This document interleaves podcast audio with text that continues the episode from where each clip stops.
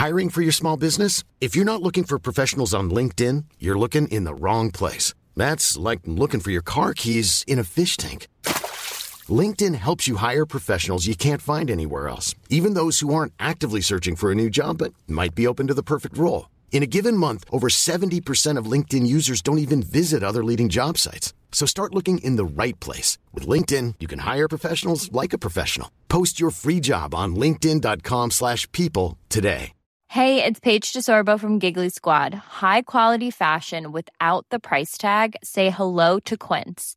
I'm snagging high-end essentials like cozy cashmere sweaters, sleek leather jackets, fine jewelry, and so much more. With Quince being 50 to 80% less than similar brands.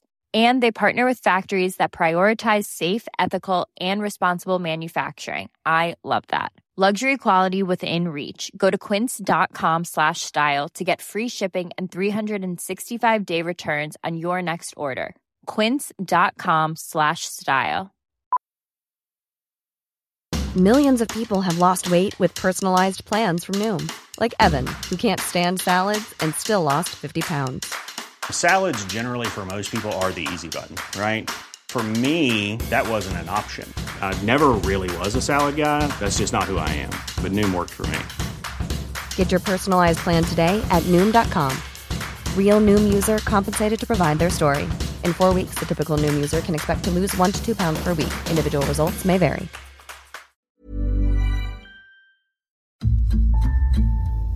Kriminalkrøniken. En true crime-podkast hvor autentiske kriminalsaker fra Norge og resten av Norden fortelles med politiets egne ord.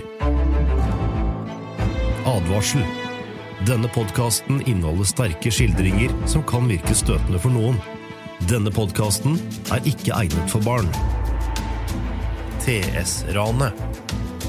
Denne episoden er bygget på en tekst av journalist Thomas Ergo. Navnene på gjerningsmennene er endret.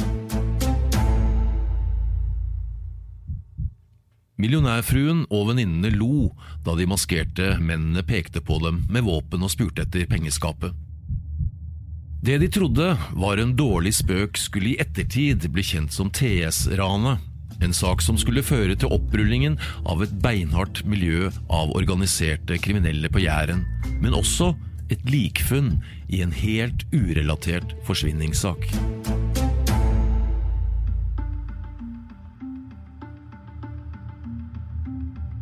Fredag 20. oktober år 2000 ved 21.30-tiden i Sola repeterte Adrian Scharnhorst planen for seg selv en gang til.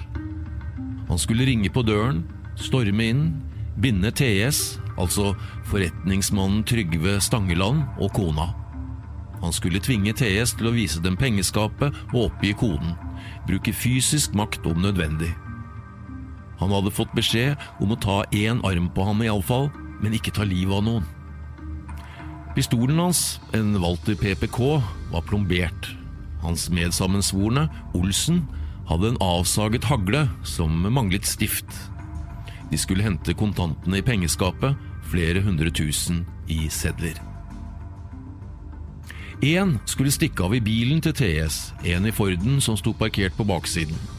Planen var å møtes ved Bore kirke, dumpe bilen til TS og kjøre videre sammen i Forden, mens politiet jaktet på fluktbilen som de ville tro var TS-ens bil. En enkel plan, tenkte Adrian Scharnhorst. Hvis alt stemte, ville den funke. De hadde ligget i hagen og spionert på millionærvillaen på Sola. Hver fredag satt traktormillionæren Trygve Stangeland og kona nedsunket i stresslessen i TV-stua. Og kontantene? Ifølge en bekjent av en kar som het Brusand, skulle det handle om flere hundre tusen kroner i sedler. Det ville funke, dette, om alt stemte. Han repeterte ranshandlingen igjen og igjen. Var helt nykter, i motsetning til Olsen, som var full av valium.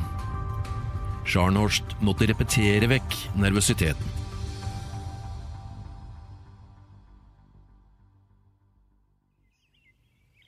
De sto foran inngangsdøren og hadde tatt på seg finlandshettene. Adrian kjente igjen prikkingen. Når han ringte på nå, var det ingen vei tilbake. Da var det bare å gi faen. Han trykket på dørklokken, det gikk noen sekunder. De skimtet en dame i 60-årene gjennom vindusglasset i døren. Å hei, hvem er dere? sa kona til TS høyt og elskverdig. Hun smilte pent, og det så ut som om hun trodde det var en spøk.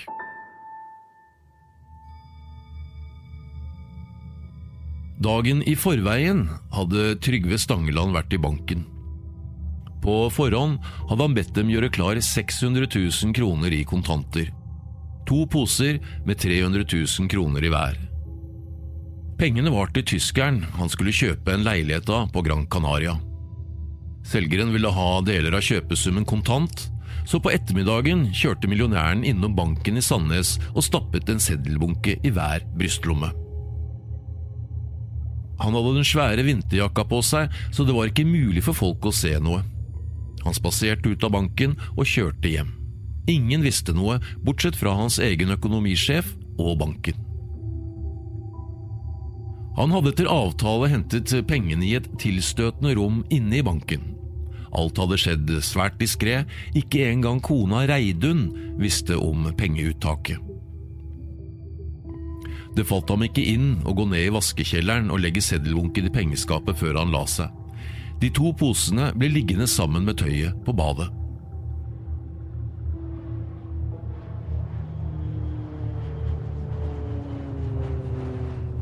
Klokken halv sju neste morgen fløy han til Gran Canaria. Det ville nok bli mer Syden på ham og bestemor, som han kalte kona si. 15 år gammel startet Trygve Stangeland å pløye for nabobøndene og levde av traktor i ti år. Hans spede start som entreprenør. 65-åringen var nå mangemillionær, bl.a. takket være utvidelsen av Sola flyplass, utbyggingen av Shell-raffineriet i Risvika og det norske oljeeventyret generelt. TS var blitt et betydelig merkenavn, og nå var det sønnen Olavs tur til å ta ansvar, mens far og mor skulle roe seg ned, bl.a. på Gran Canaria. Så fredag den 20. oktober år 2000 landet Trygve Stangeland på ferieøya med 600 000 kroner i sedler på innerlomma. Om kvelden ruslet han bort til stamstedet Playa del Sol for å ta seg et par glass og svinge seg på dansegulvet.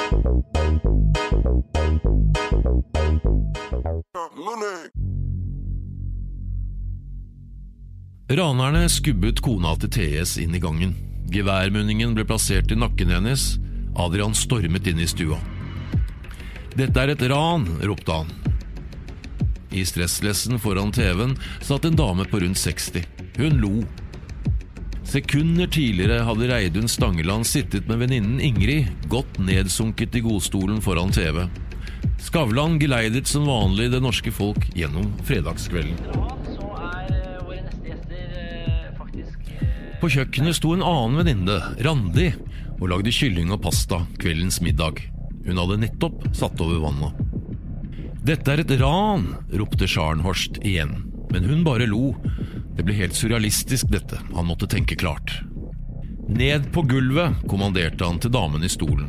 Så bandt han hendene og føttene hennes med noen medbrakte høyttalerledninger, mens han presset ansiktet hennes ned i det persiske teppet. Det ble slutt på latteren, han bandt venninnen på kjøkkenet også. Ikke så hardt, det gjør vondt, klaget hun. Han slakket litt. Reidun Stangeland var vanskeligere. Hun sloss hele tiden med Olsen mens han holdt den avsagde hagla. Hun ble lagt i gulvet på kjøkkenet, men spratt opp igjen og sloss videre. Hun fattet ikke hva som skjedde. Tidligere på dagen hadde hun vært på antikvitetsmesse i Voll idrettshall på Klepp. Hun hadde kjøpt en liten krukke med en skje oppi. Den sto på kjøkkenbenken. Nå skulle hun avslutte dagen med en hyggelig kveld med venninnene. Plutselig står to maskerte menn med pistol og gevær i stua. I ettertid husker hun ikke så mye av han hun sloss med heller. Det eneste hun sa i avhør, var at han hadde fine øyne. Mer visste hun ikke. Dette er vondt, du må slutte. Det er ikke morsomt lenger, jeg ringer sønnen min Olav, truet Reidun Stangeland. Hun trodde fortsatt det var en spøk. En dårlig spøk.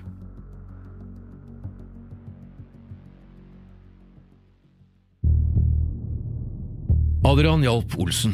De la henne i gulvet, en øredobb føk én vei, brillene en annen.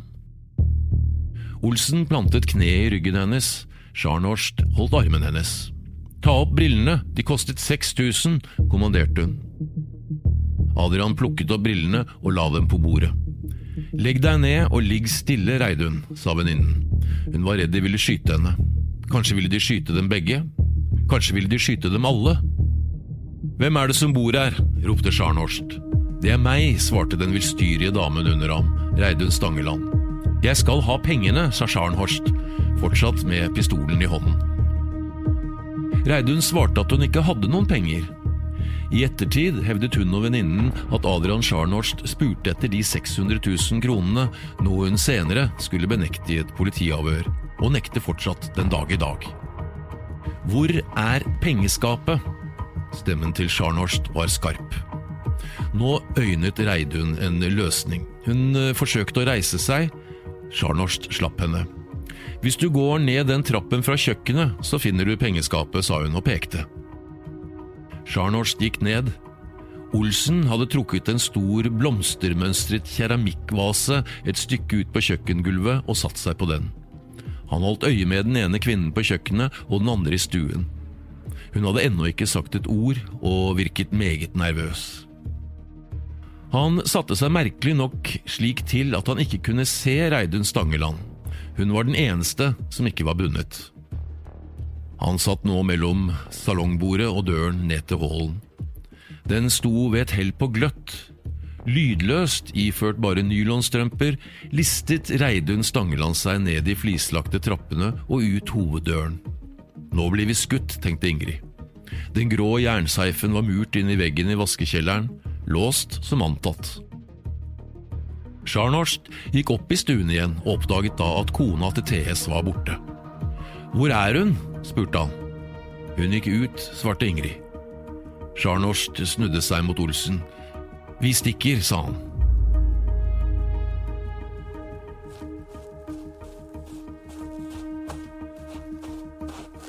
Reidun Stangeland springer ut på veien i tynne nylonstrømper.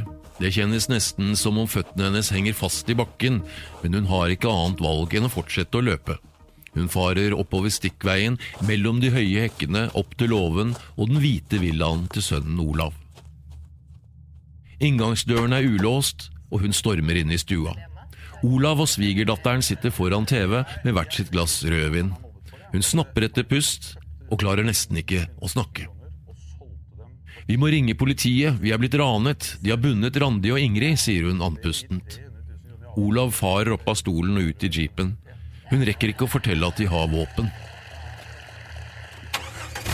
Han slenger seg i bilen, det er en ren refleks.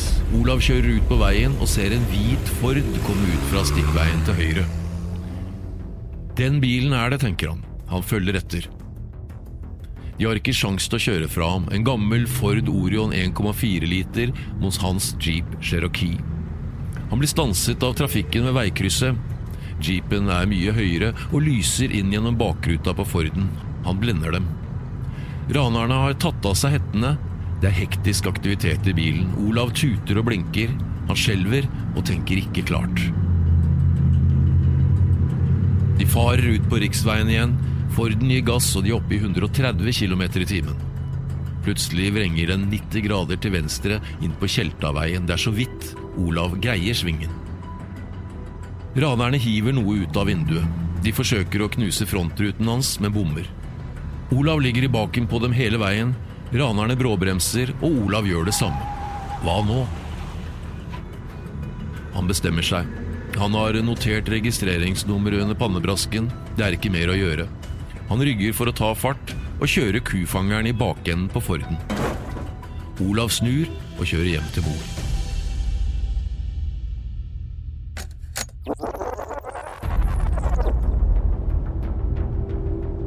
Faen! Han må vi bli kvitt! Scharnhorst vrir til høyre i retning Bore kirke som planlagt. Ut på riksveien. Bilen gasser på. Speedometeret viser 120, så 130 km i timen. Raneren kjenner adrenalinet kicke inn. Han har vært i mange slåsskamper og har fått det samme rushet da. Han beskriver det som å sitte i et gi faen-opplegg. Går det til helvete, så går det til helvete. Det er bare å kjøre på. Han vrenger bilen 90 grader til venstre inn Tjeltaveien. Jeepen henger fortsatt på og blinker og tuter. Hanskene og våpenet er i veien for kjøringen. Han gir dem til Olsen, men den jævla idioten hiver dem ut av vinduet. Han må ha poppet i seg for mye valium, tenker Scharnhorst. Han er jo rimelig borte. Det er bare én ting å gjøre for å få fyren til å stoppe. Bråbremse. Fortsetter han etter, er det bare å stoppe og hive ham ut av bilen. Scharnhorst bråbremser, jeepen smeller inn i bakenden på Forden, sjåføren bak dem stikker. Scharnhorst og Olsen ler. Wow! Vi klarte å komme oss unna.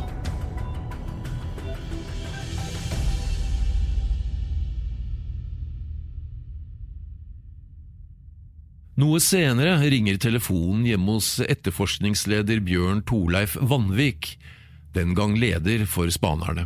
Han får en kort beskjed. Det har vært et stygt ran mot TS-familien på Tjelta i Sola. Store styrker er ute og leter etter gjerningsmennene. Vanvik blir bedt om å komme inn og lede etterforskningen. Det er natt, og det koker. Store styrker med bevæpnet politi er ute. Politihelikoptre er i lufta. Det er flomlys og avsperrede veier. Det er farlige folk man står overfor, folk med våpen, så våpentillatelser skal klareres fortløpende. Tipsene renner inn, et kobbel av pressefolk ringer. Krimteknikerne finner fotavtrykk etter ranerne i huset til millionæren.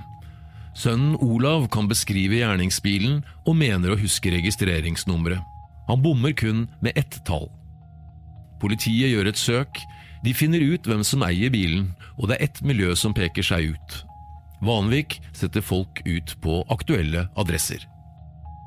I mellomtiden har Scharnost ringt én av sine sammensvorne og bedt ham fjerne joggeskoene han brukte under ranet. Utenfor venter politiet.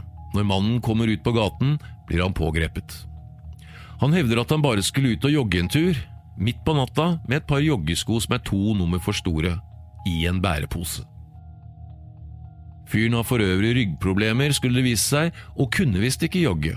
Og de leirete joggeskoenes såle matchet perfekt med krimteknikernes funn i huset til millionæren.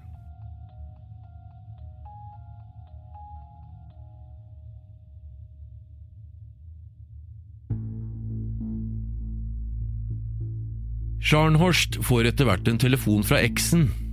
En politibetjent hadde spurt etter ham. Han forsto hva det gikk ut på. Kvelden etter gikk han og meldte seg ved Sandnes politistasjon. En kompis fulgte ham. Scharnhorst visste det ble en stund til han så kameraten igjen. Forbanna dritt.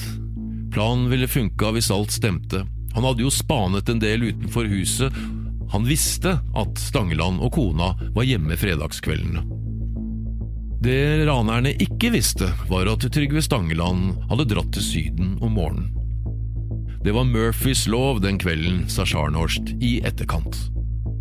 Politiet fant raskt Forden de hadde parkert like ved Bore kirke på Klepp, ikke langt unna der de ristet av seg Olav Stangeland. Langs fluktruta snuste politihunder opp Scharnhorsts pistol og hansker. På kirkegården fant politiet ransklærne. Etterforskningsleder Vanvik skjønte at de begynte å få ferten av noe. Han hadde hatt hund i 20 år selv, og visste hva dette gikk ut på. Det er ofte det du ikke oppdager først som har størst verdi. Derfor benytter politiet hunder overalt. De gjorde det også i denne saken. De delte hele kirkegården i teiger og tok seg god tid med hundene i søket. Dette skulle føre til en dramatisk oppdagelse som igjen medvirket til opprullingen av et større organisert kriminelt miljø på Jæren. Hundefører Trond Rune Sunde var den første fra politiet som banket på døren hos TS etter ranet. Der møtte han tre vettskremte damer. Reidun Stangeland nektet å lukke opp før hun gjenkjente ham. Hun visste hvem Sunde var fra før. Seks dager senere ledet Sunde søket etter ransgjenstander på Bore kirkegård. Han hadde tegnet skisser av kirkegården, delt den opp i forskjellige søkssoner. Politiet søkte først med én hund, og deretter byttet de for å kvalitetssikre. De hadde bl.a. funnet en tapetrull som ranerne hadde benyttet. Etter flere timers arbeid gjorde de opp status. Ledelsen hellet mot at jobben var gjort. Det eneste Sunde følte at man ikke hadde fått sjekket skikkelig, var kummene. Dagen i forveien hadde de merket seg at det var gravd langs siden av en kum, men de fikk den ikke opp. Den så ut til å være sveiset fast. Nå fant Sunde en hakke og slo løs. Lokket løsnet, og han dro det til side. Her ligger det jo et lik, sa han.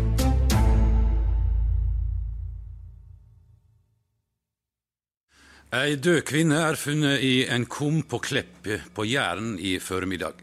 Funnet blir sett i samband med Stavanger-kvinna Tina Jørgensen, som har vært savna siden slutten av september. Den døde kvinna ble funnet i morges ved en tilfeldighet i forbindelse med etterforskninga av en straffesak i Klepp lensmannsdistrikt her på Jæren. Det sier politiet i en pressemelding nå i ettermiddag, men ellers er politiet så langt svært sparsomme med opplysninger. Den døde kvinna ble funnet i en kum som nå er dekket til av en grønn presenning. Politiet har tatt kontakt med 20-åringens foreldre og sjekker nå funnene mot Tina Jørgensens forsvinning. Slik dekket Dagsrevyen den 26. oktober år 2000 likfunnet. I den svarte leira skimtet Trond Rune en ung jente. Undertøyet var ennå ikke gått i oppløsning. Et grovt ran så ut til å lede til oppklaringen av et mysterie av en drapssak.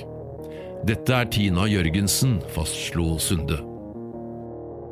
De hadde søkt med hunder etter den 20 år gamle jenta siden hun forsvant sporløst fra Stavanger sentrum natt til 24. september samme år. Etterforskningen sto i stampe, og det var nylig utlyst 200 000 kroner for opplysninger som førte til en oppklaring.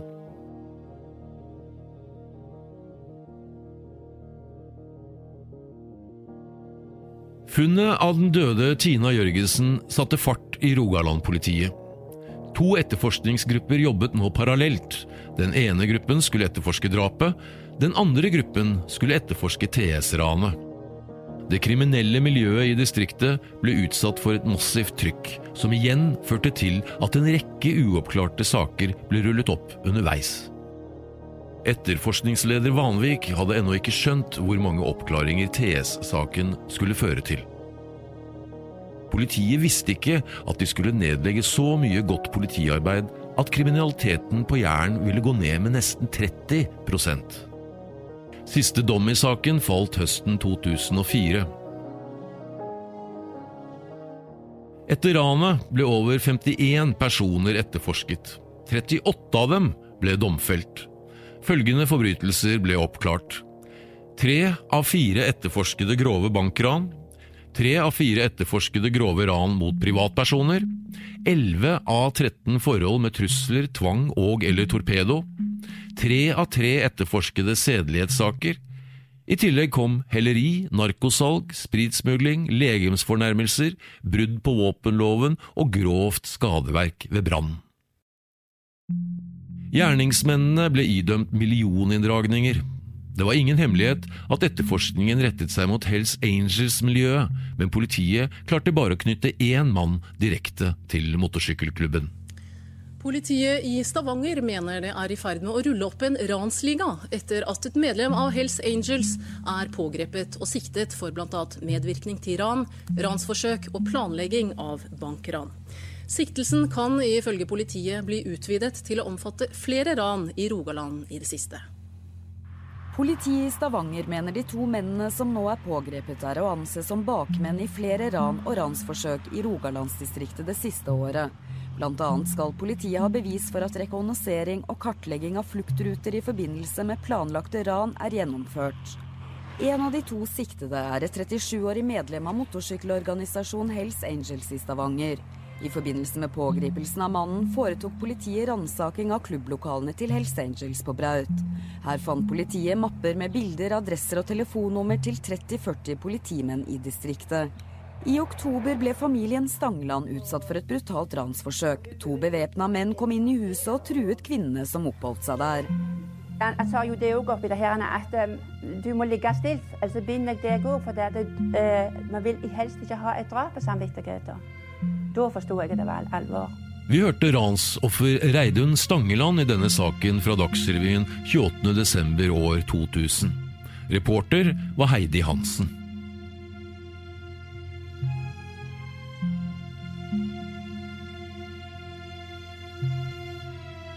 Rogalandspolitiet søkte om midler fra Rådet for samordnet bekjempelse av organisert kriminalitet, ROK, og fikk tildelt 1,7 millioner kroner til TS-prosjektet.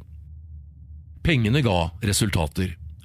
Politiet kunne dykke inn i et miljø som til slutt ble lammet. Det var ingen bankran i distriktet etter opprullingen av TS-sakene inntil Nokas-ranet våren 2004. Men var det en bande av organisert kriminelle politiet i Rogaland rullet opp?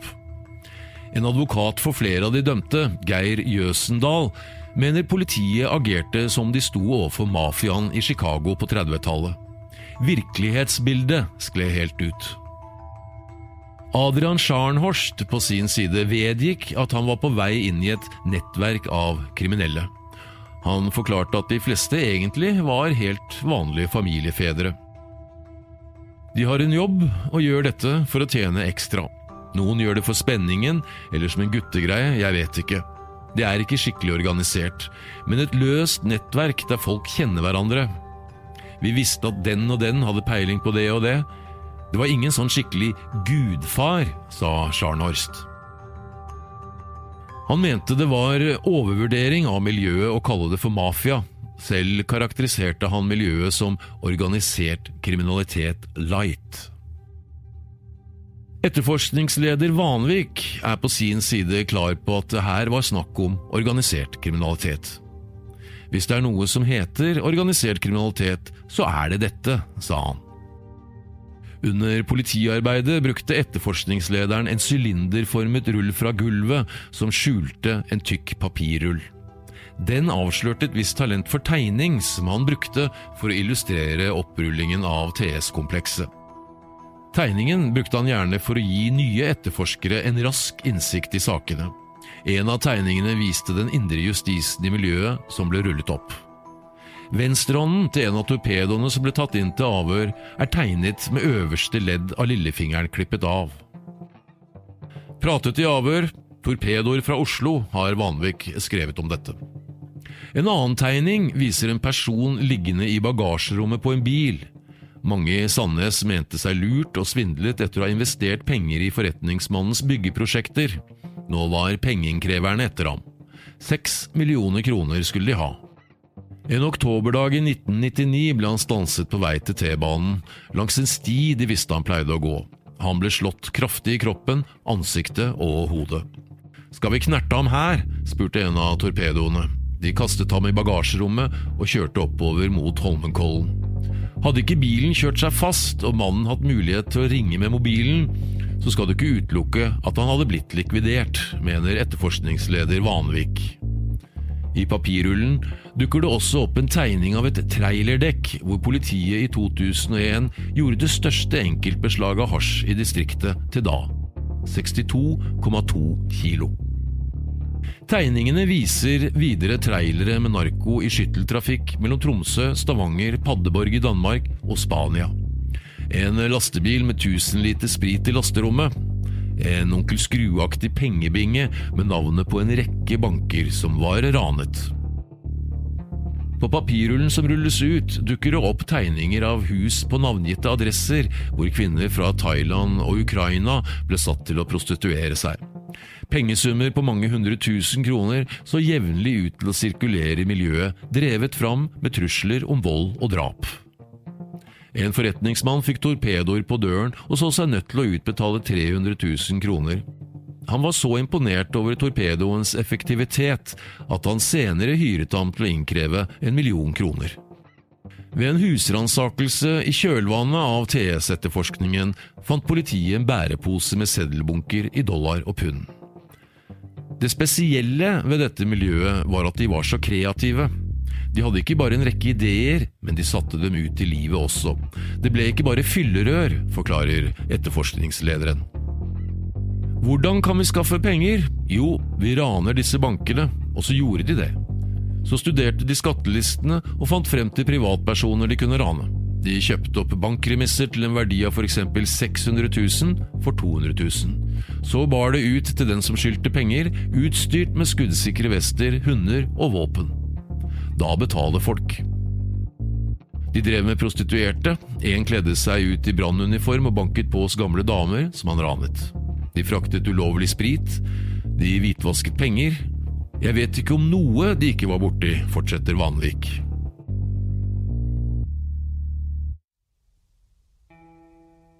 En av de dømte, la oss kalle ham NN, var i flere måneder på flukt i utlandet etter at han hadde snakket for mye i et politiavhør. NN mente seg truet på livet etter å ha avgitt en flere hundre sider lang forklaring om alt fra narkotikahandel til ran og drap i det kriminelle miljøet på Nord-Jæren. Han ble ansett som en tyster. I ettertid hevder han at politiet trakk seg fra en avtale om å garantere for hans sikkerhet. Scharnhorst opplevde også å bli snakket inn i Tina-saken. TS-ranet var vanskelig å komme unna. Politiet hadde ransskoene og fant dessuten pistolen, magasinet og pistolhylsteret hos en av hans medsammensvorne.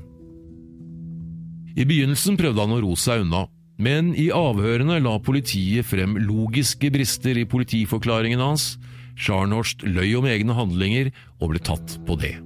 Men han la ikke kortene på bordet før NN pekte ham ut som hovedmistenkt i drapet på Tina Jørgensen. Da fikk Sjarnorst nok. Han ville i hvert fall ikke bli mistenkt eller tatt for mord. Han skulle ta igjen, få tatt ham for mest mulig. Han la alt på bordet. Går jeg ned, så går NN også ned, tenkte han. Nikolai Mortensen, et medlem av dette kriminelle miljøet, ble i kjølvannet av TS-saken drømt for tre væpnede bankran med nesten 2,5 million kroner i fortjeneste, et grovt bevæpnet ran hos privatperson, for å ha vært delaktig i prostitusjonsvirksomhet, besittelse av narkotika og en rekke biltyverier. Selve TS-ranet var han ikke involvert i. Også han mener at det var Tina Jørgensen-saken som fikk snøballen til å rulle. Greit nok at politiet etterforsket saken, men de hadde aldri gått så kraftig til verks hvis de ikke hadde gjort funnet av Tina Jørgensen i kummen like i nærheten av der de fant fluktbilen. Da liket av Tina Jørgensen ble funnet, satte politiet inn giret. En rekke tips kom inn, folk ble kalt inn til avhør fortløpende, og det var mange som måtte sjekkes ut.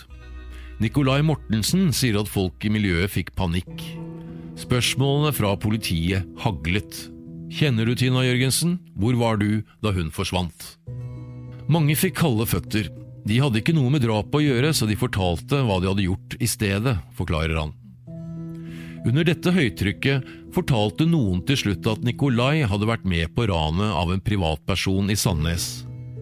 Han og to andre menn iført finlandshetter hadde truet seg inn hos mannen ved midnatt, bevæpnet med pistol og et jernrør. Nikolai hadde klikket to ganger med pistolen mot mannen og ville vite hvor han hadde gjemt pengene sine, hvorpå de fikk 32 000 kroner i kontanter. Deretter forlot de mannen i eneboligen, teipet fast i en stol. Det var noen i TS-saken som nevnte navnet hans til slutt. Fra før hadde han en dom på to år for pengeinnkreving og salg av noe amfetamin, pluss ran av banken på Nærbø. Da Nikolai ble snakket inn i det brutale ranet i Sandnes, begynte det å brenne under føttene på ham. Han var allerede mistenkt for ett av de to øvrige bankranene som ennå ikke var oppklart. Politiet hadde funnet deler av hans fingeravtrykk, men loven sier at de må ha et visst antall punkter for å kunne identifisere fingeravtrykk, og de hadde ikke alle punktene. Den eneste matchen som kom opp var Nikolai, men politiet hadde altså ikke nok å gå på. Da jeg ble blåst inn pga. TS-saken, forsto jeg at det var kjørt. Når jeg likevel skulle sitte mange år i fengsel, ville jeg ha alt unnagjort. Jeg fant ut at det bare var å legge alle kortene på bordet, forteller Nikolai. En februardag i 2002 kommer en fengselsbetjent inn på cella til Adrian Scharnhorst, som ligger og sover. I 16 måneder har han levd på en celle på 4-5 kvadratmeter. Det er to uker igjen til han skal løslates. Har du en plass å bo når du slipper ut, spør betjenten. Scharnhorst sier at han kan bo hos en venninne av seg i Bergen. Greit, da kan du pakke, du slipper ut i dag, sier betjenten. Adrian Scharnhorst går ut av fengselsporten. Himmelen er skyfri, det er kaldt, men sola varmer. Han går på polet, kjøper to flasker vin og én flaske konjakk, en Bråstad Exo. Han tar bussen til Bergen og har en hyggelig, avslappende fest med venninnen og en venninne av henne igjen, som ikke vet at han kommer rett fra fengsel. De skåler og snakker om alt annet enn selve saken og fengselsoppholdet, han flytter etter hvert til en by lenger nordover, holder seg unna sitt gamle miljø og søker inn på ulike studier. Aldri mer en fengselscelle, aldri mer den jævlige lyden av låsen som går igjen hver kveld. Det er planen. Han innrømmer at han var på full fart inn i et organisert kriminelt nettverk, men følte egentlig ikke han gjorde noe skikkelig galt før den kvelden hos TS. Da han flyttet til Sandnes, var han kun 21 år gammel. Han vanket i et stoffmiljø og trente mye kampsport. Scharnhorst tok ofte initiativet til slåsskamper på byen. Det ballet på seg med torpedooppdrag. Det begynte med at en kompis trengte hjelp.